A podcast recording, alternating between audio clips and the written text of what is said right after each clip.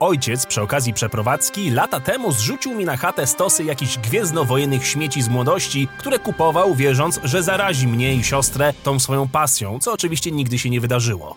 Teraz jednak jestem więźniem tej retro kolekcji, bo nie mogę tego ani sprzedać, ani do piwnicy wynieść i tak tkwię z tymi odpadami z odległej galaktyki.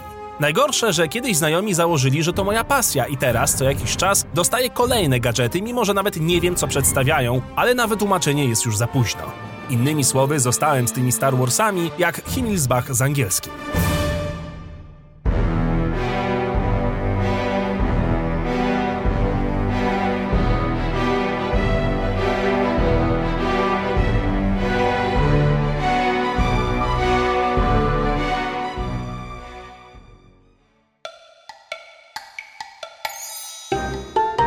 Ja tam do Gwiezdnych Wojen od papcia George'a nic nie mam. Serio. No ale fenomenu bajeczek dla dzieci w kosmosie po prostu nie zrozumiem chyba nigdy. A tym bardziej ludzi, którzy się tym uniwersum podniecają i to w chorobliwy sposób. Ciężko bowiem o fandom równie toksyczny, co zróżnicowany pod każdym względem. Po pierwsze, musisz wiedzieć, że teraz na prequele już pluć nie wolno. Kiedyś można było, ale te dzieciaki, które były wtedy odbiorcami, już dorosły i bronią tej trylogii jak swojej godności. Teraz, jeżeli już masz na czymś się wyżywać, to tylko na sequelach, ale tutaj też ostrożnie, bo z każdym rokiem obrońców przybywa. Jeżeli chcesz naprawdę narobić sobie biedy i patrzeć jak Star Warsowy nerd się odpala, to powiedz cokolwiek negatywnego w temacie gry Knights of the Old Republic, czyli Kotorze. Ludzie na punkcie tego tempego RPGa dostają dosłownie gorączki, śniąc po nocach o jakimś remasterze, co pewnie nigdy nie wyjdzie.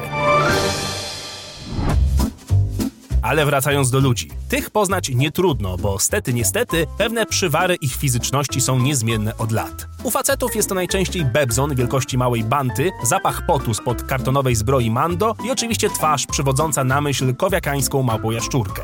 U dziewcząt prawie zawsze jest to cosplay, w którym trzeba straszyć cycem i seksualizacją postaci. Zabawne, jak prawie nikt z tego fandomu, mimo swoich idealnych wręcz atrybutów, nie wybiera na cosplay Jabby.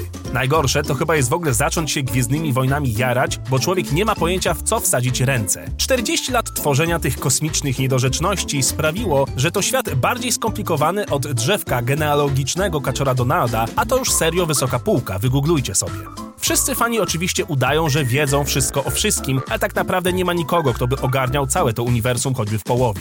Jak już się dasz wciągnąć do tej odległej galaktyki, to wpadasz jak śliwka w kompot, bo nie znam nikogo, kto przestał być fanem Gwiezdnych Wojen, dlatego ja tego świata unikam jak ognia, bo jeszcze tego mi brakuje, żebym wieczory marnował na czytanie książek o kosmitach z laserowymi szablami, co potrafią czarować i podnosić kamyki siłą umysłu. No ale jeżeli złapałeś bakcyla, to koniec. Dlatego mam parę rad, które kiedyś przekazał mi znajomy.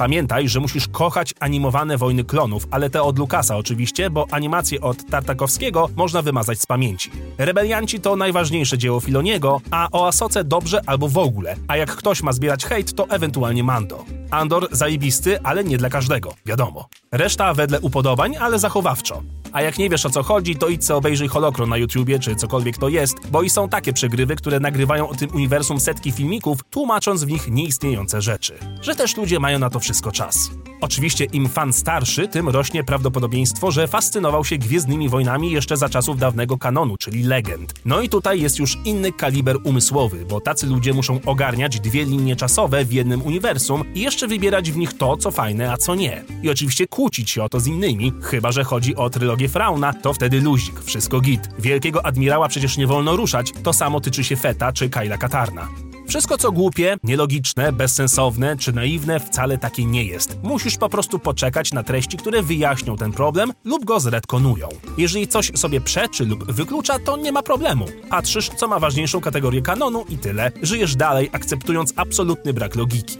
Zresztą masz inne rzeczy do roboty, jak odwieczna walka z trekowcami, mimo że dzisiaj już tak naprawdę nikt się tym nie jara i cała ta fandomowa wojna dawno temu umarła, bo po prostu każdy ogląda to, co lubi. I chociaż ten dziwny fandom ma swoje urokliwe strony, jak choćby zbiórki charytatywne prowadzone przez prawdziwych zapaleńców z 501 Legionu, to trzeba też pamiętać, że toksyczność fanów doprowadziła niegdyś Ahmeda Besta, odtwórcę Jar Jar Binksa, do poważnych myśli samobójczych i depresji. Młody Anakin, czyli Jake Lloyd, również czeka na swój happy end, ale na razie walczy z własnymi demonami, w które wpędzili go niegdyś koledzy z klasy za sprawą jego filmowej roli. Ale dość o ciemnej stronie fanów Gwiezdnych Wojen, przecież są rzeczy ważniejsze, takie choćby jak długość Montrali i leku u Asoki w wersji animowanej oraz aktorskiej, albo odcień włosów Luka Skywalkera między kolejnymi epizodami. Nie zapominajmy także o tym, dlaczego Luke zachował swoje nazwisko, mimo że szukała go cała galaktyka, czemu nikt nie powtarza manewru Holdo, jakim cudem Leia pamięta swoją matkę, no i jak powrócił krifolony Palpatine. Należy też pamiętać, że za całe zło w Gwiezdnych Wojnach odpowiada Disney. Mimo, że bez kupna marki przez tą firmę, uniwersum dalej byłoby martwe. Lucas nie umie pisać dialogów, ale każde jego słowo to świętość i odgórny kanon. Wszystko to są poważne i prawilne dyskusje. Debaty na temat tej materii mogą trwać bez końca. I wszystkie, co do jednej, są niesamowicie cringe'owe dla niewtajemniczonych.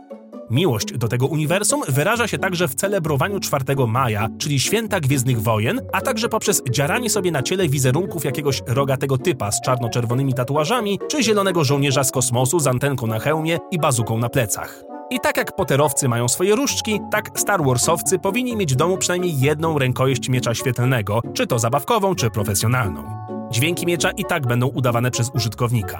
Mokrym snem jest oczywiście pełna zbroja szturmowca, ale do tego dochodzi się dopiero na stanowisku kierowniczym w korpo.